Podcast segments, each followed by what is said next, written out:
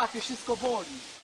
3, 2, 1 i jesteśmy już z państwem, a właściwie z wami, chyba że jesteście wyżej w hierarchii społecznej niż my. No to w takim razie witamy was e, bardzo serdecznie w kolejnym odcinku podcastu Guilty Leisure. E, jest to odcinek 12 i niezmiennie e, od tych 12 odcinków prowadzą go Trzynasty odcinek, ale nie szkodzi, możesz kontynuować. No to jest odcinek 13. Tak, wiedziałem to. Kolejne twisty następują, wraz z kolejnymi odcinkami kolejne twisty. No, Jak się okazuje też dla prowadzących e, są twisty, no ale w każdym razie niezmiennie jak się okazuje od 13 odcinków prowadzą to Maciej Grzękowicz i Rafał Tomczak. tak jest, i to się zgadza. I wiecie co, mieliśmy na dzisiaj zaplanowany jeden film, który okazał się jednak ponad nasze siły w pewnym momencie, więc y, wybraliśmy inny film. Ten film, który mieliśmy omawiać, to jest film Tattah, jest to film e, egipski, jednak e, okazało się, że on nie jest w ogóle leisure ani pleasure, e, za to jest guilty. Okazało się, że nie ma żadnych ocen na Filmwebie, co może świadczyć samo o sobie. Tak, właśnie, nie ma żadnych ocen na Filmwebie i myślę, że powód jest taki, że po prostu trudno w ogóle go zobaczyć, żeby potem nawet mu wystawić tę jedynkę. No niemniej przeszliśmy do czegoś innego i dzisiaj będzie pierwszy odcinek podcastu w serii e, Guilty Leisure Classic. Nie no, żartuję. Ale będzie to najstarszy zdecydowanie film z tych wszystkich, które mamy w naszym podcaście. Sięgamy coraz bardziej do klasyki. Tak, także ci z was, którzy oglądali go aktualnie wtedy, kiedy świętował swoje sukcesy, porażki, zwał jak zwał, no to do was się faktycznie możemy zwracać, proszę państwa. No właśnie, Paweł będzie skakał i my będziemy zaczynać w związku z powyższym. Film, o którym będziemy dzisiaj mówić, to film Xanadu. I chodzi o film z 1980 roku, e, przesławny albo i niesławny e, musical, który, w którym było wszystko jeśli chodzi o kolory i większość jeśli chodzi o budżet, większość pieniędzy na świecie. E, ten film przyszedł nam do głowy, ponieważ e, zobaczyliśmy właśnie, że niedawno wszedł na Netflixa, e, również za sprawą doktora Michała Oleszczyka, którego oczywiście pozdrawiamy z tego miejsca i stwierdziliśmy, że to jest coś, co na pewno w naszym podcaście się odnajdzie i mam wrażenie, że trafiliśmy chyba w dziesiątkę. Nie wiem, jak ty myślisz. Zdecydowanie, no chyba, żeby zachęcić was jakoś dodatkowo, to możemy powiedzieć, że jest to film, dla którego między innymi wymyślono nagrodę Złote Maliny. Tak więc to świadczy samo o sobie. Inna sprawa, że podczas tej pierwszej edycji, kiedy nominowany był ten film, nominowane było też Lśnienie Stanleya Kubricka, także wiecie, nie wszystko trzeba brać tak dosłownie, po latach może się okazać, że dane filmy są nieco lepsze niż się początkowo wydało, no i dzisiaj zobaczymy jak to było z tym naszym Xanadu. I właśnie, ja stwierdziłem, oglądając ten film, że gdyby on został nakręcony dzisiaj, w tej formie, w której został nakręcony w roku 80, to on byłby arcydziełem i byłby nominowany do wielu Oscarów. Dobra, śmieję się, dlatego że są to też moje przemyślenia, którymi zdążyłem się już podzielić z innymi osobami nawet. I no zgadzam się, podpisuję się pod tym całkowicie. Jestem w stanie zrozumieć, że wtedy, w tamtych czasach, był to film, który mógł się wydawać bardzo, bardzo kiczowaty. Natomiast mam wrażenie, że gdyby on był zrobiony tak świadomie, teraz, to mielibyśmy już wtedy do czynienia z kampem. A to jest spora różnica i wydaje mi się, że dużo większym uznaniem cieszyłby się współcześnie. Tak, mamy bardzo podobne przemyślenia, jak widać. W ogóle może przedstawmy pokrótce fabułę, ponieważ Xanadu to jest film opowiadający o pewnym malarzu, jednakże malarzu komercyjnym, ponieważ on maluje raczej większe wersje okładki albumów muzycznych, żeby móc je potem wystawić, który spotyka w pewnym momencie klarnecistę, no i oni zakładają taki klub muzyczny Xanadu właśnie. No i to jest koniec filmu. Tylko, że gdyby tak to ująć, to ominęlibyśmy bardzo ważną sprawę, czyli konkretnie Kirę, czyli muzę grecką, która e, pojawia się i motywuje właśnie tego malarza, jednocześnie zakochując się w nim i rozkochując go w sobie do tego działania właśnie artystycznego. No i w sumie mm, nawet z tą Kirą nie brzmi to jeszcze jakoś aż tak absurdalnie. Może to brzmiało jak jakiś taki art house. Nawet dzisiaj mogłoby to powstać w formie jakiegoś czarno-białego filmu, który tak e, realistycznie, magicznie gra z formą. No jednak ta gra z formą odbyła się na zupełnie innym poziomie. To jest w ogóle film, który nie powinien być zły. Biorąc pod uwagę obsadę, budżet, produkcję i scenariusz, mam wrażenie, że plan był inny. Dokładnie. Ja bardzo chętnie zobaczyłbym film, który opowiadałby o kulisach powstania tegoż filmu. To jest bardzo popularna praktyka obecnie, współcześnie. Dlatego, że ten film miał powstać jako po prostu jakiś tam film, a w momencie, w którym okazało się, że zainteresowana filmem jest Olivia Newton-John, która święciła sukcesy po fenomenie, którego doświadczyli wszyscy, tej wielkiej wielkiej modzie dotyczącej filmu Grease, no to okazało się, że producenci zainwestowali w to trochę więcej pieniędzy, angaż dostał też uznany aktor Gene Kelly, także nagle okazało się, że z filmu, który miał być jakimś takim po prostu niezapadającym w pamięć, może niespecjalnie bogatym w treść e, filmem, nagle to urosło. Urosło do filmu, gdzie budżet gra ogromną rolę, dlatego że widać, że tam jest wpompowane sporo pieniędzy. Aczkolwiek, czy faktycznie ta treść tutaj urosła, no tutaj już jest, już jest problem. Właśnie, bo w ogóle ten film na poziomie jeszcze przygotowywania no, zmieniał się bardzo, ponieważ początkowo, jak zresztą też wspomina doktor Leszczyk w swoim eseju na Filmwebie, e, że miał to być film, który miał działać na sukcesie wrotek konkretnie. No czyli tego fenomenu, że sobie ludzie jeździli, to było bardzo popularne wtedy w Stanach Zjednoczonych, no i przestało być w pewnym momencie popularne i przestało być popularne tak tuż przed premierą tego filmu, co też wymusiło jakieś zmiany scenariuszowe. No niemniej właśnie wspomniałeś o obsadzie. Jest tutaj właśnie Kira, czyli Olivia Newton-John, która właśnie była no już bardzo znana ze względu na Grease, tak jak powiedziałeś. Gene Kelly, też wielka gwiazda. No i no jest nasz główny bohater, który akurat taką wielką gwiazdą nie jest. Niemniej właśnie z tej obsady powinno wyjść coś dobrego. A ja miałem wrażenie momentami, że ten film to jest e, po prostu kwintesencja tego, jak filmy starają się udawać nieudolny teatrzyk szkolny. w sensie, że tak mówił główny bohater. Hey dude, can you tell me what's going on? W sensie tak dosłownie do bólu, wiesz, w ten sposób. Tak, no było to przeteatralizowane całkowicie i dodatkowo tak jakby te kwestie, te dialogi, które wypowiadają aktorzy i aktorki nie były wystarczająco przeteatralizowane, to wszystko podkreślała jeszcze warstwa dźwiękowo-muzyczna, która musiała tam nam zasygnalizować, że to jest ten moment, w którym aktor się dziwi. To jest ten moment, w którym aktorzy dyskutują. No było to takie tak dosadne, że było aż niekomfortowe w odbiorze. Tak, ten film e, to, biorąc to wszystko, co powiedzieliśmy przed chwilą, wydaje mi się, że jest takim e, zlepkiem stokowych scen z filmu musicalowego, które jest, no to, nie przebierają w jakichś tam środkach, jakichś alegoriach czy coś, no po prostu widać, tutaj rozmawiają, tutaj kupuje popcorn. Ta scena w ogóle jakoś tak nie dotknęła, ponieważ e, na samym początku filmu główny bohater, czyli ten Sonny Malone grany przez Michaela Becka, kupuje popcorn. I mi się to e, nieodparcie skojarzyło z Blue Velvet, konkretnie z początkiem Blue Velvet Davida Lyncha, w którym właśnie też wszystko dzieje się w taki sposób trochę nienaturalny, trochę taki zbyt sielankowy, idealny, tylko że tam to była oczywiście poniekąd parodia, wykorzystanie tego środka artystycznego, a tam to tak miało być. No tak, dobrym przykładem tego, jak że tutaj to było robione bardzo, bardzo na poważnie i trochę ludzie sobie nie zdawali sprawy z tego, co tworzą i jak to potem może zostać odebrane, jest to, że na przykład dialogi potrafią się zacząć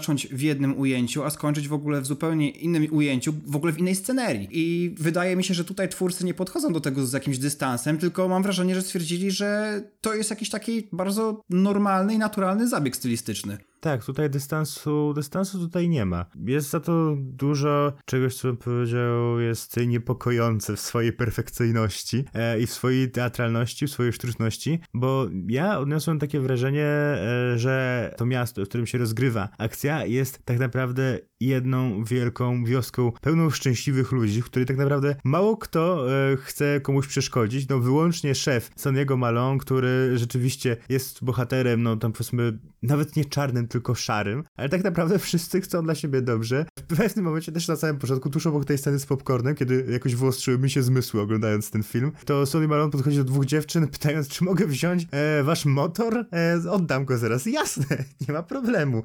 Bierz nasz motor, tylko oddaj. A, spoko, nie? No to w takim razie odda na pewno. No dokładnie. Ja, ja, ja się śmieję dlatego, że to są rzeczy, które ja też mam wynotowane. Mam wynotowany punkt świat pozytywności. No i tak to właśnie wygląda, że jest po prostu e, wszyscy są super uprzejmi, super pomocni, jest jeszcze dodatkowo jakaś taka wiara w powodzenie i w siłę jednostki i to wszystko jakoś takie owinięte takim szalikiem niewinnej, obyczajowej historii po prostu. Wszystko ma być fajnie, miło i przyjemnie. Ale zobacz, czy w ogóle jest tam jakiś antagonista? To jest jeden z niewielu filmów, które teraz mi przychodzą do głowy, w którym nie ma antagonisty. Tylko to jest film, że zaczynają coś robić i kończą to robić. tak, to prawda. Ale to, to, to, właśnie sam fakt, że ten film można streścić w dwóch zdaniach. Okej, okay, teoretycznie większość musicali może działać właśnie w ten sposób, że tutaj e, ta warstwa muzyczna, ten wykony konkretnych piosenek mają zaskarbić sobie naszą sympatię i to one mają być tą główną, główną częścią. Natomiast tutaj, na chwilkę odkładając właśnie te występy muzyczne, no to sam scenariusz, samą historię można dosłownie streścić w dwóch zdaniach i nie oferują nam zbyt wielu ani twistów, ani jakichś zaskoczeń, no, no niczego. Nie oferuje zaskoczeń, jeśli chodzi o samą fabułę. Za to może właśnie bardziej oferować zaskoczenia, jeśli chodzi o same to wszystko, za pomocą czego fabuła jest przedstawiona, ponieważ e, ja miałem takie wrażenie w pewnym momencie, że ten film jest idealnie oniryczny, w sensie, że to jest taki film, który symuluje sen, ponieważ właśnie te sceny po sobie czasem łączą się w sposób naprawdę pekuliarny, byśmy mogli rzec, na, na przykład właśnie jak jest ten moment, że Sony i Kira rozmawiają sobie w jednej lokacji, trwa ten dialog, potem przenoszą się do zupełnie innej i ten dialog dalej trwa, a jednak to jest zachowane w jakimś tam jednym spójnym ciągu narracyjnym. To jak te wszystkie rzeczy, które są na granicy właśnie fantastyki, realizmu jakiegoś tam magicznego, czyli że nagle Kira wpływa na definicję w słowniku, co mnie akurat się podobało, to było całkiem fajne, e, lub jak wpływa na to, co się dzieje w wiadomościach, to wszystko jakoś tam płynie i my musimy zaakceptować e, to, że ten świat jest daleki od logiki, którą my znamy i wtedy myślę, że można się wkręcić w niego. Tak, a to jest ciekawe w kontekście tego, że ogólnie ten film trochę korzysta z takich bardzo utartych i standardowych schematów, mianowicie właśnie tak tej niewinnej obyczajówki, o czym powiedziałem już wcześniej, z momentami jakichś takich rubasznych wstawek, ale też co? Miłość na przekór, to znaczy miłość wbrew zasadom i, i walczenie z jakimś tam systemem, chociaż ten wątek nie do końca był dla mnie zbyt dobrze rozwinięty, ale to już inna sprawa. Dodatkowo pojawia się jakaś obecność tej muzy w różnych czasach, co symbolizuje też trochę nostalgię do tego, co było kiedyś, do tego, do tych dawnych sukcesów, do dawnych marzeń. No i to wszystko jest takie dosyć typowe, ale to, jak zostaje to ubrane, jak działa cała forma tego filmu, no pokazuje, że faktycznie wydaje się nam to jakieś nadprzyrodzone. Te, ten motyw w ogóle właśnie tej miłości, o której ty wspomniałeś, że nie został za bardzo rozwinięty, no to jest jeden właśnie z przykładów tego, że można pomyśleć, że scenarzyści tak naprawdę starali się coś może zrobić, jakąś taką akcję, jakieś takie napięcie, ale szybko się wycofywali z tego, żeby nie stało się zbyt niemiło, ale to, to co mnie tutaj zastanowiło, to y, jakaś taka kwestia cywilizacyjna, że akcja dzieje się w Ameryce ogólnie, ale greccy bogowie, w sensie właśnie muza Kira oraz Zeus, kiedy się wypowiadają, mają akcent brytyjski. Czy wiadomo, że Olivia Newton-John jest e, Australijko-Brytyjką? Niemniej,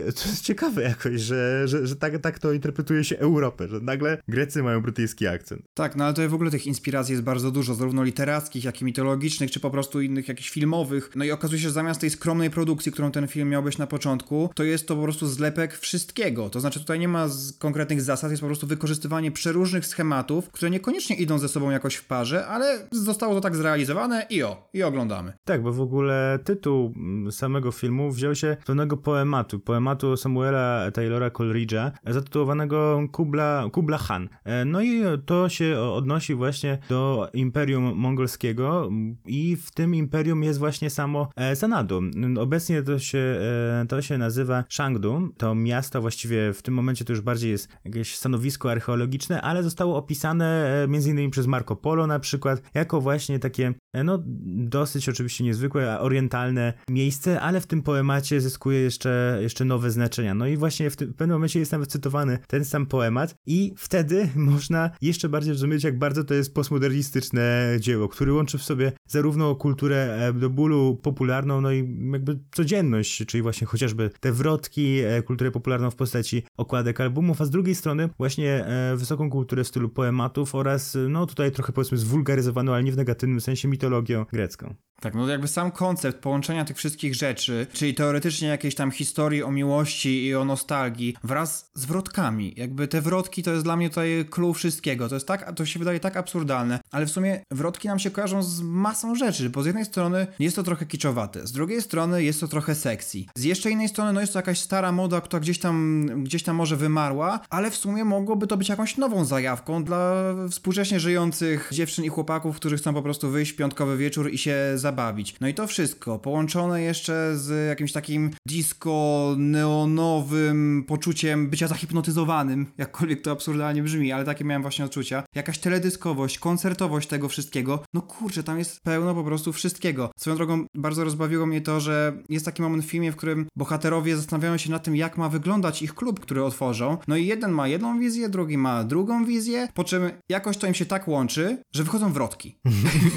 które nie były zawarte w żadnej z tych wizji. Jedna to była rockowa, jedna to była taka bardziej elegancka, jazzowa, I nagle się okazuje, że niesamowitym kompromisem są tutaj wrotki, a swoją drogą na sam koniec już w ogóle jest e, festiwal różnorodności, dlatego że zamiast tych trzech wizji, to pojawia się nagle w ogóle jeszcze country, pojawia się jeszcze kosmos, tego jest po prostu pełno, jest tutaj wszystko. Właśnie to country to ja nie wiem skąd tam się wzięło. Prawdę mówiąc, to mnie zaskoczyło. Nie tak samo. Ten film z czasem coraz bardziej cię bierze tak z flanki, nie? Że zaczyna cię nagle atakować z pozycji, której byś się nie spodziewał i na, na końcu jeszcze jest właśnie kwestia ataku country. I w ogóle jest kwestia jeszcze ostatniej, ostatniej kwestii, która była dla mnie e, mega zastanawiająca. Nie wiem, czy spodobał ci się zakończenie?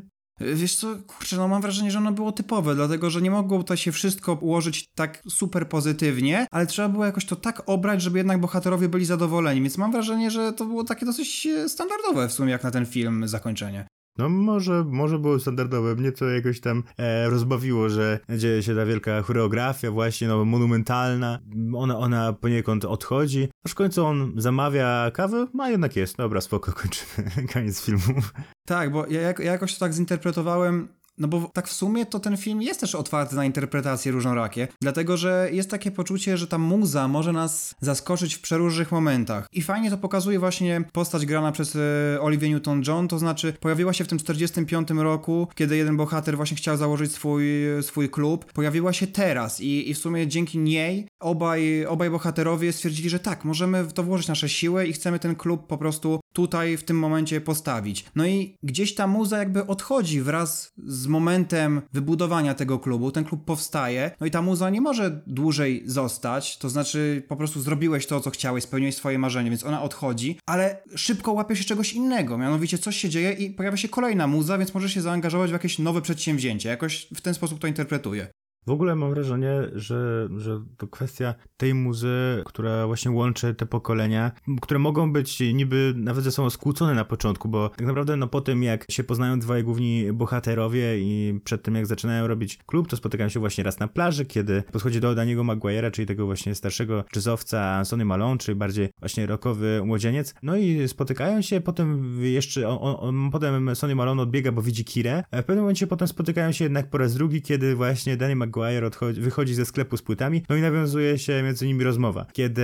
Sonny Malone interesuje się płytami Millera, które Maguire właśnie kupił. No i e, pytają siebie nawzajem, czy ty słuchasz rocka? Pyta Sonny i Danny mówi, że, że tak. A czy ty słuchasz Millera? No i Malone odpowiada, że, że tak, że słucha Millera i widać tutaj ten sojusz, mimo że z jazzem i z rockiem są połączone zupełnie różne wartości, znaczy różne wartości. Różne wartości, chociażby no, pod tym punktem, że rock jest bardziej taki seksualizowany, można powiedzieć, szczególnie w dyskursie tamtych lat. Jazz, no właśnie, bardziej poważny, kojarzy się z elegancją, ale jednak jest ten sojusz pokoreń. I w ogóle mam wrażenie, że zaletą tego filmu jest to, że on jest też taki pozytywny po prostu. Tak, no to na pewno. On bardzo jakby łączy odbiorców w jakimś sensie. Swoją drogą to połączenie rocka z jazzem podczas jednego z utworów bardzo fajnie wyszło i w ogóle bardzo mi się podobało. Ale tak, mam wrażenie, że on jest bardzo pozytywny, chociaż powiem ci, że mój odbiór na przestrzeni całego filmu się nieco zmienił, dlatego że początek, kiedy wjechał w ogóle plakat, yy, znaczy kiedy najpierw zobaczyłem plakat, a potem kiedy wjechał tytuł filmu i okazało się, że mamy przejścia takie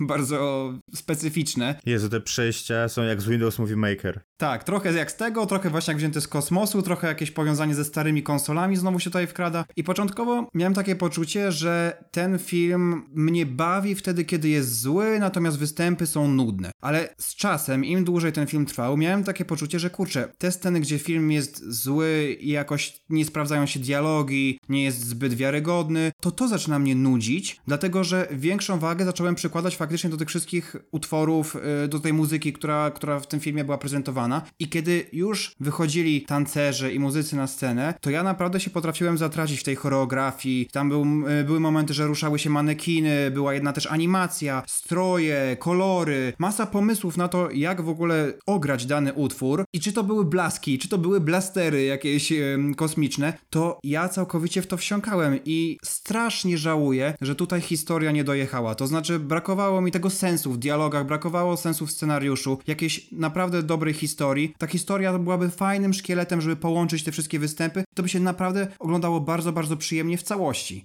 Też tak myślę, chociaż e, mnie aż tak ta choreografia i te występy nie porwały, ale no, nie miałam nic przeciwko nim. Ja w sumie chyba moja przyjemność z tego filmu była właśnie na tej płaszczyźnie jakiegoś dobrego samopoczucia, ale można czerpać e, jak najbardziej ją właśnie na dwójnasób. Tylko pytanie, czy te dwa sposoby się wykluczają na przykład.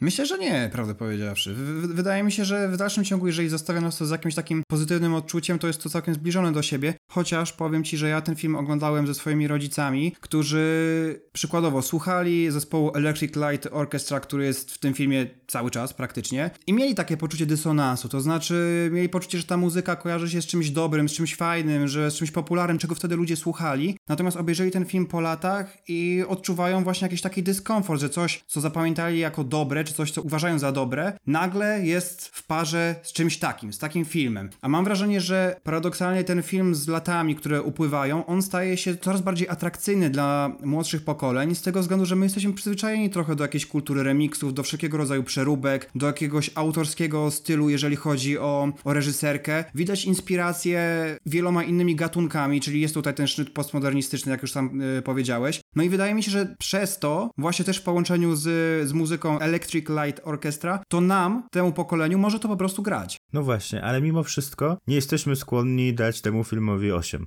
No nie, niestety. To znaczy, ja odczuwam taki wielki żal, że, że nie jestem w stanie wyciąć właśnie tych, tych wszystkich dialogów, tej, tego całego szkieletu, tylko i, i skupić się na samych, na samych występach, które oferowały dużo, dużo więcej. No, ja z drugiej strony również e, mam pewien żal, że nie mogę jednak potraktować tego filmu jako zrobionego świadomie, nie? Tego mu tylko brakuje, tak naprawdę, tylko i aż tej świadomości e, w zastosowywaniu tych wszystkich środków, które, no wiadomo, wyszło z jednej strony beznadziejnie, z drugiej strony kampowo. Ja byłbym gotów się zatracić jak najbardziej w tym filmie, szczególnie w momencie, kiedy, powiedzmy, w momencie, w którym dyskurs narracji już e, sprawia, że nie jest aż tak ważny, powiedzmy, jaka jest sama ta historia, tylko ta atrakcyjność. No można tutaj w ten sposób o tym myśleć, e, no ale wiem, że to nie o to chodziło i może niektórzy by powiedzieli, że warto czytać film bez kontekstu, to jednak wydaje mi się, że niekoniecznie może to być słuszne, chociażby ze względu na jakby funkcję krytyki, jaką jest no feedback, nie? I w tym filmie,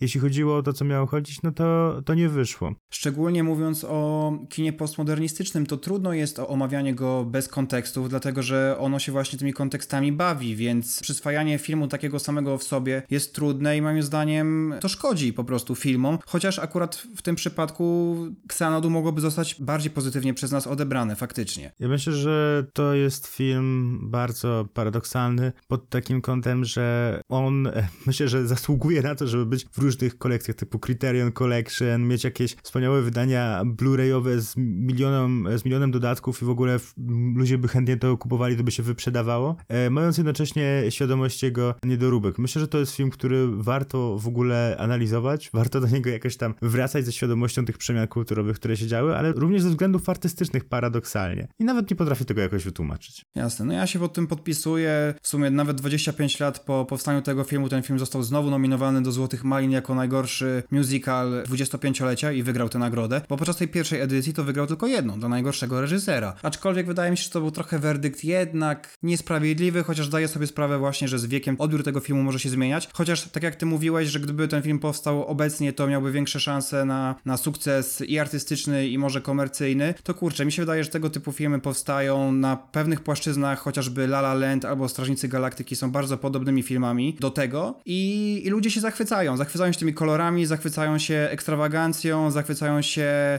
y, taką może przesadną naturalnością, nawet tak bym to nazwał i, i to się sprawdza, dlatego może ten film powstał po prostu te 30 lat za wcześnie. A może jakby powstało dzisiaj, to wyszłoby z tego jakaś kacwawa. Jest to też możliwe, ale jeżeli chcecie się zatracić i trochę posłuchać sobie tych występów, sentyment, nostalgia, a potem załamywanie się przy dialogach wypowiadanych przez aktorów i aktorki, to to jest zdecydowanie pozycja dla was. Ja polecam ten film z czystym sercem, mimo że jeśli chodzi o jakoś e, tam bardziej zobiektywizowaną skalę oceny, e, nie uważam, że byłby genialny, to jeśli chodzi o subiektywną skalę oceny, to uważam, że jest całkiem genialny. Tak jest, podpisuję się i również polecam. No i cóż, no to lecimy chyba dalej, jak to mówił klasyk. Tak, no czas podążyć tym tropem nostalgii i łapania za serducho. Słuchajcie, teraz przedstawimy wam utwór, który na pewno znacie. Jest to Mirrors autorstwa Justina Timberlake'a, czyli można powiedzieć drugiego króla popu. Jest to ośmiominutowa, wzruszająca ballada. Jest to coś, co może zaskakiwać, ten, ta, ta długość tego utworu. Jest oczywiście wersja radiowa, która jest nieco krótsza, ale pełny utwór ma właśnie 8 minut. Nie wiem, czy przesłuchiwałeś e, ten utwór z teledyskiem, natomiast ja starałem się tego nie robić, dlatego że teledysk u mnie po prostu wywołuje łzy. Jaka jest w ogóle geneza tego, tego utworu? Otóż Justin Timberlake zrealizował utwór dla swoich dziadków, których miłość trwała przez wiele, wiele lat. No i jest to właśnie jakieś takiego swojego rodzaju oddanie im respektu, jakiegoś, jakiś hołd dla nich. No i cały teledysk właśnie też opowiada historię dwóch osób, które przez całe życie się kochają, są ze sobą na dobre i złe, no i koniec końców muszą się pogodzić ze, ze stratą. Jest to bardzo wzruszające, naprawdę łapie za serce i kurczę, no z jednej strony sobie myślę, że a właśnie może jakoś tak społeczne oczekiwania nie pozwalają mi na, na, na to, żeby lubić y, Justina Timberlake'a, bo tutaj jest wysoki wokal, są jego kocie ruchy, ale jednocześnie jest ogromny pokład emocjonalny w tym utworze i dodatkowo jest po prostu, tego się po prostu bardzo dobrze słucha. To jest bardzo przyjemna muzyka. Ja znam refren na pamięć i dla mnie to jest top z muzyki pop. Po prostu. Top z muzyki pop, to żeś zarymował. Ja nie oglądałem z teledyskiem, bo mi przesłałeś linka do Spotify, co zasugerowało od razu formę, w jakiej mam się zaznajomić z tym utworem. Co jest na tym teledysku? Jakby ja to zrobiłem też celowo, bo właśnie nie chciałem, żebyś e, oglądał ten teledysk i potem ocenił ten utwór tylko i wyłącznie przez pryzmat tego teledysku. Ale w trakcie tego klipu widzimy po prostu te dwie osoby, które przeżywają razem życie. Jest to wszystko jakoś poskładane z różnych momentów z ich życia i, i na sam koniec się pojawia dopiero Timberlake, który łapie obrączkę. No to wszystko jest pełne symboliki. Możesz sobie ty, możecie sobie wy obejrzeć ten klip na YouTubie, ale no mówię, ja chciałem się skupić tylko i wyłącznie na, na muzyce akurat w tym przypadku. Okej, okay, to dobrze, że, że nie włączyłem tego, pewnie też bym miał łzy w oczach, a tak to przynajmniej zachowałem zimną krew, e, słuchając tego utworu, który niestety dla mnie nie ma aż takiej wartości powiedzmy sentymentalnej, też nie do końca wiedziałem, jaka jest geneza powstania tego utworu, ponieważ mam wrażenie, że zarówno sama muzyka, jak i tekst e, no, wpisują się mocno w kanon tego popu. I prawdę mówiąc, pewnie bym jakoś nawet go nie, nie wyróżnił, gdybym nie wiedział, że chodzi konkretnie o ten utwór z innych takich utworów, które są dosyć jakoś tam podobne, czy takie, które słyszałem kiedyś w radiu i tak dalej. Podobało mi się niektóre tam zabiegi jednak rzeczywiście, w sensie chociażby na przykład jak w pewnym momencie wycisza się linia instrumentalna, jest sama perkusja. No to jest taki zabieg, który jest bardzo fajny, który jest e, też nie jakiś rzadki, niemniej to nie umniejsza jego jakości, e, jak dla mnie. No teraz jak mi opowiadasz o tej historii, to, to ponownie wraca ta sprawa kontekstu i odbioru tekstu kultury, bo teraz na pewno jak się w to wsłucham, jeszcze wiedząc to wszystko, no to jeszcze inaczej będzie. Tak, tak, to, to na pewno, ale sam utwór właśnie jako, jako piosenka po prostu jest, jest też super, ja uwielbiam to wybijanie rytmu właśnie klaśnięciami, właśnie właśnie też ten moment, o którym ty wspomniałeś, że, że nagle to jest taki moment akustyczny po prostu. No i kurczę, jakby ten utwór mógł trochę zbrzydnąć ludziom, dlatego że to był ogromny sukces komercyjny, wiele nagród też dla klipu i dla muzyki, więc on mógł być trochę przeforsowany przez wszelkiego rodzaju radia, mógł być też ciągle udostępniany i tak dalej, i tak dalej. Natomiast ja w ogóle bardzo lubię Justina Timberlake'a, chociaż nie jest to muzyka, której ja na co dzień słucham, ale Justina Timberlake'a bardzo lubię, no i ten utwór zawsze był dla mnie taki, że co by się nie wydarzyło, to on jest dla mnie nie do ruszenia. No i sam fakt, że jakby nawet nie wiem jak to się stało, że ja znam ten refren na pamięć. To znaczy jest to dla mnie o tyle dziwne, że ja jakoś niespecjalnie mam do tego głowę, niespecjalnie zapamiętuję, a w szczególności y, utwory popowe. No a tutaj, kurczę, chyba musiałem to naprawdę wiele razy przesłuchiwać. Znasz? Możesz zaśpiewać? No kurde, y, show me how to fight for now. And I tell you baby, it was easy coming back to you once I figure it out. You were right here all along. It's like you're my mirror. Wow, dalej już nie będę. Nie wiem, czy to wytniemy jeszcze, czy nie. Ja przesłucham i zobaczymy w postprodukcji. Znaczy, ja powiem tak. E, myślę, że możemy to zostawić. W zeszłym odcinku dużo śpiewaliśmy. A jeśli to zostanie wycięte, no to w takim razie to będzie treść dla patronów. Tak, ale poczułem, że to jest wyzwanie, żeby udowodnić, że znam Justina Timberlake'a, więc jakby musiałem. No i jakby udowodniłeś to. Udowodniłeś to i nie ma czego się, e, się wstydzić. Zastanawiałem, czy... Tak, tak, tak. Już wiem. Co, coś, już co, wiem. coś tam powiedział, ale już wiesz, już wiesz i starczy.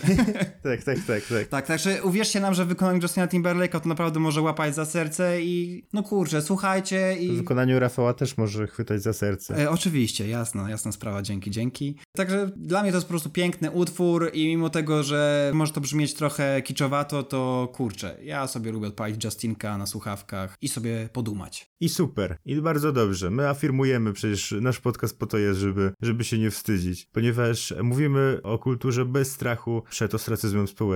Dokładnie, mamy w to wyje, wyjebane. O tak. No i właśnie w ten sposób e, bardzo gładko przeszliśmy, gładko, a jednocześnie tak trochę szorstko, bo to w naszym stylu, do drugiego utworu, któremu dzisiaj poświęcimy parę minut naszego podcastu. Będzie to raper Tede, który miał dużą rolę w moim e, dzieciństwie gimnazjalnym, ponieważ ludzie z mojego gimnazjum chętnie go słuchali, a ja czułem się wtedy jakoś tak jakoś gorszy, bo go nie słuchałem. Więc, więc teraz więc teraz wracamy do niego.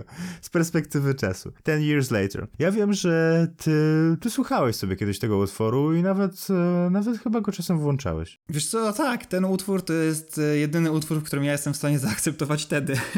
No, nie wiem, co, że ja nie przepadam za nim zarówno patrząc na muzykę, jak i człowieka też. Nie jest to, nie, nie, nie jest to mo, moja stylistyka, nie jest to moje podejście do życia i nawet ten tekst z tego utworu tylko potwierdza trochę moją niechęć do niego. Zarówno jeżeli chodzi o, o to, jak sobie skraca słowa, jaki też przekaz daje. No nie jest to moja bajka. Zwrotki są dla mnie też trochę męczące i nudne. W ogóle jest autotune mimo tego, że on mówi, to jest też dla mnie zaskakujące. Jakby, no okej, okay, autotune nie powinien jeszcze nikogo dziwić, w szczególności mm, w dzisiejszych czasach, ale jednak on mówi na autotune. To jest zaskakujące. Dzwonią do mnie, mówią, hej, co robisz?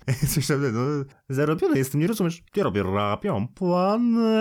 Kącik muzyczny trwał najlepszy. To będzie stały segment, że żeby wprowadzić piosenkę, będziemy musieli zaśpiewać jej fragment, albo powiedzieć na autotune. No właśnie, Tede jest dla mnie e, osobą, z której perspektywy czasu ja polubiłem go. E, trochę sobie słuchałem jego piosenek, raczej nie za dużo, ale na przykład bardzo mi się podobał jego występ na pierwszym Hot 16 Challenge. No to to było, to było chyba jedna z najlepszych Hot 16 Challenge pierwszej edycji. W drugiej oczywiście odwalił manianę i zaczął sprzedawać koszulki. Pierwsza edycja fajnie, fajnie, druga edycja, no aj, wychodzi Tede z worka. No właśnie, no i bierzemy średnią i wychodzi Tede. No i trochę może tak być właśnie również z tym utworem, że są dwa TD. Pierwszy to jest ten, który mówi na autotune i co do którego, no właśnie można się czasem zastanawiać, nie? Jak ktoś ma jakąś stylówę właśnie ponownie, czy to nie jest jakiś zabieg postmodernistyczny, jak myślę, że często ma miejsce na przykład u Maty, ale u Tedego to chyba, chyba nic takiego nie ma. On po prostu mówi, że no, sobie jedzie. Właśnie nie ma tam żadnej w ogóle spójnej linii fabularnej. Autentycznie zauważyłeś? W sensie, że każde zdanie, ono żyje własnym życiem. Ono jest takie nawet trudno mi to do czegokolwiek porównać. Mam wrażenie, że w życiu ogólnie generalnie jest większa spójność niż w tym utworze. Słuchaj, to jest po prostu yy, Ulysses. Tak, to jest Ulysses. To jest Ulysses w nowym wydaniu, no. To jest nowym wydaniem Ulysses i trochę krótszym, dostosowanym do naszych tych. To też, to też, też trochę tak jakby on skopiował wiadomości, które wymieniam na grupowym czacie i tak wrzucił je do worka, wymieszał, wciągnął, okej, okay, dobra, ja robię ja, rap, ja mam plany, jadę do Łodzi, robię tam klip i mam wrażenie, że właśnie tytuł tego utworu również dobrze oddaje e, samą duszę. No bo tytuł to jest wyje, wyje, bane, jako trzy słowa w ogóle zapisane, jakby to komuś umknęło. Refren jest bardzo epicki, i właśnie, no brzmi, czas płynie, płynie, a ty wyje, wyje, bane masz, wyje, wyje, bane masz, chociaż płynie czas, tak? Chociaż tam jest? No nie wiem, generalnie nawet nie wiem, czy tam jest chociaż, ale myślę, że to nie jest specjalnie istotne. Ważne jest to, że on jest zaśpiewany w taki sposób, no, natchniony, nie wiem, mam wrażenie, że jakby jakiś grecki wojownik na stadionie, już zaczął nagle krzyczeć, jakieś takie fanfary do boków, e, no i właśnie, właśnie mam wrażenie, że tutaj jest wtedy, no a potem wraca do mówienia na autotune. Darcie ryja do refrenu jest czymś bardzo charakterystycznym dla tego utworu i to jest właśnie właśnie ta jedyna rzecz, kiedy ja też zaczynam drzeć tego ryja i jest fajnie. Jest bardzo fajnie, e, ale to, że ten utwór zatytułowany jest w ten sposób, to nie tylko jakby świadczy e, o tym, że no taki jest refren, no, ale że w tym utworze nie ma innej treści. Dokładnie, dokładnie. to jest klucz tego utworu. To, to, że ten tak krzyczy w pewnym momencie. No i ja to akceptuję. Mi się podoba też okładka w ogóle tego, tego albumu. Jest taka kolorowa. Pozostajemy właśnie w, tej klimaty, w tych klimatach Xanadu. Kolory, dzieje się. Dzieje się, chociaż faktycznie jakby tam jest dużo, dużo słów w tym utworze, ale niekoniecznie to idzie w parze z treścią. No i kurczę, wpada w ucho to na pewno i na, na też kolejny utwór dla mnie to jest taki, że wiesz, ktoś puszcza go po prostu, no i krzyczysz ten refren. Im głośniej, im głośniej będziesz krzyczał, tym ten refren jest lepszy, to jest prosta sprawa. Natomiast no te zwroteczki, no to już tak, wiesz, tak jak mówiłem wcześniej, to nieco gorzej. To jest utwór na jednej liście, playliście z Delfinem i ona by tak chciała. Tylko z różnych lat oczywiście. Tak, czekasz do refrenu i wtedy dajesz czadu. To jest. Dobra, to przechodzimy chyba do trzeciego segmentu. Tak, bo ostatnio stwierdziliśmy, że będziemy szkalować e, pewną postać polskiej polityki. No i spodobało się wam, więc lecimy dalej. lecimy z tym koksem. Ale nie, tym razem to nie będzie szkalowanie konkretnie, a raczej odniesienie się do pewnego szkalowania. Ponieważ e, na pewno kojarzycie coś takiego jak cenzopapy. Jeszcze jak? no dobra. Szachmat, zagrałem w bank. Tak, kończymy w tym momencie. Wow, wymyśliłeś to nieźle. Ale to ty, ty często masz kontakt z takimi memami? No wiesz co, jakby odpowiedzi, odpowiedzi papieskie konkretnie, no kurde, są już jakoś u mnie tak zinternalizowane, że stają się one normalnymi odpowiedziami. To znaczy, ja już przestaję je postrzegać jako, o, to będzie ten moment, kiedy wykorzystam fragment wywiadu z Ziarna 91 roku, jak papież opowiadał dzieciom co i jak, jak żyć. Nie, nie, nie, robię tego, tylko autentycznie jak ktoś się mnie pyta i ja się zgadzam albo aprobuję, to odpowiadam jeszcze jak. Wow, nie wiedziałem, że jesteś takim papieżu świrem. Ja nie, ja nie aż tak, chociaż mam e, duży kontakt e, z tymi memami przez to, że dużo osób powiedzmy w jakiejś tam również e, lewicowo-kulturowej bańce je z lubością udostępnia, a szczególnie jeden z moich znajomych, jeśli słucha, no to pozdrawiam oczywiście, który no praktycznie cały chyba swój, swój styl życia oparł na wstawianiu e, memów z papieżem w przeróżnej formie. To już mnie zaskakuje naprawdę, że tyle jest tych memów, że one się stają gatunkiem samym w sobie i to już nie tylko gatunkiem memów, memów, ale mam wrażenie, że są memy i są memy z papieżem, które reagują na dowolne sytuacje. Ale to tobie się podobają te memy? Wiesz co, dla mnie warstwa ideologiczna tutaj nie ma najmniejszego znaczenia. To znaczy, faktycznie jest trochę zabawny ten rozdźwięk między idealizowaniem tej postaci, a z drugiej strony ciśnięciem całkowitej beki. I wtedy się to robi śmieszniejsze, wtedy się to robi bardziej kontrowersyjne, wtedy się to robi bardziej radykalne. Jasne, że tak. Natomiast ja po prostu lubię, jak jakieś treści są udostępniane i te treści potem wchodzą do jakiegoś takiego kanonu codzienności, tak bym to nazwał. No i dla mnie właśnie do takiego kanonu wszedł ten wywiad z papieżem, dlatego uwielbiam go. Znaczy, przepraszam, to nie jest wywiad, tylko program, w którym on brał udział. Uwielbiam wszelkiego rodzaju przeróbki i remiksy z tym związane. Natomiast jeżeli chodzi o memy z papieżem same w sobie, to nawet nie jestem w stanie ci powiedzieć, czy je lubię, czy nie, dlatego że, no wiesz, jeżeli będzie zabawny, no to, to będę lubił. Jeżeli nie, to, to nie. I jakby postać papieża dla mnie tutaj paradoksalnie odgrywa, no, rolę drugoplanową. No tak, to jest e, całkiem, całkiem logiczne stwierdzenie. E, w sumie trudno się z nim nie zgodzić nawet. Ja może że mam już leciutki przesyt momentami, ponieważ jak widzę tę mnogość sytuacji, do których można użyć twarz papieża, tę żółtą twarz, no to już stwierdzam, że no papież staje się jakąś taką tautologią, nie? W sensie, że papież to wszystko jest i wszystko jest papieżem, co zresztą niekoniecznie musi nawet obrażać uczucia religijne niektórych, no przecież są sobie zgodne czasem. No, ale, ale czasem już mam dosyć. No. no ale wiesz co, to nawet pokazuje, że ten temat jest gorący od, od bardzo dawna dawna w sumie i może się po prostu w pewnym momencie przejeść. To znaczy, kurczę, już to było, nie wiem, chyba 7 czy 8 lat temu wtedy słynny zrobił się monolog Gizy o tym, że papież e, puszcza bąka. Jakby pomijając już to, jak dalej się to wszystko potoczyło z karierą Gizy i tak dalej, tak dalej, no to wtedy on był postrzegany właśnie przez to, że szkaluje papieża i to, jakie to kontrowersje wywołało, to, że potem odwoływano jego występy i tak dalej, i tak dalej, pokazuje, że wtedy już to było bardzo kontrowersyjne i mimo tego, że teraz natykamy się na to, na wszelkiego rodzaju żarty z papieżem dużo, dużo częściej, to mam wrażenie, że ta piana z ust wcale się nie zmniejszyła. Ta piana z ust osób, które nie chcą szkalowania papieża i mam wrażenie właśnie, że jest jeszcze bardziej radykalnie. Może to nie jest tak, że występ stand-upowy byłby odwoływany, no bo teraz już jakby wiemy, że na tym mniej więcej polega stand-up, albo że memy na tym polegają właśnie, że, że się z czegoś śmiejemy, ale kurczę, no to pokazuje, że to jest bardzo paląca kwestia. Tak, to jest bardzo paląca kwestia i to jest ciekawe z tym Gizą rzeczywiście. W takim razie może to wskazuje na to, że o ile rzeczywiście te głosy strony przeciwnej no nie słabną, e, dalej się jakby można je zauważyć bardzo mocno, to o tyle jednak chyba w świecie show biznesu i ogólnie w takim mainstreamie e, żartowanie z papieża mam wrażenie, że właśnie stało się jakieś bardziej akceptowalne, może, może dzięki tym memom, które jakoś tam e, osłabiły ten dyskurs na temat świętości papieża po prostu, ale, ale ty masz chyba inne zdanie tutaj, tak? Znaczy, po części się z tą zgodzę, bo, bo to powszednieje, jasne, że tak, ale mam wrażenie, że jeżeli chodzi o jakieś takie takie publiczne wystąpienia, o pewnego rodzaju oficjalne, oficjalne kanały komunikacji, no to w dalszym ciągu jest to rzecz nie do przyjęcia. Takie mam poczucie, że okej, okay, teraz właśnie możemy o tym powiedzieć w występie komediowym, teraz są te memy, możemy sobie udostępniać, możemy słuchać utworów muzycznych będących przeróbkami jakichś wypowiedzi papieża i tak dalej, i tak dalej. I okej, okay, to jest, tego jest więcej, jesteśmy tym zalewani, ale mam wrażenie, że jeżeli właśnie chodzi o te inne kanały komunikacji, te kanały komunikacji, dla których papież był świętością te 7 lat temu, to on właśnie taką świętością jest nadal po dzień dzisiejszy. No w sumie może rzeczywiście trochę banieczka mi weszła na mózg.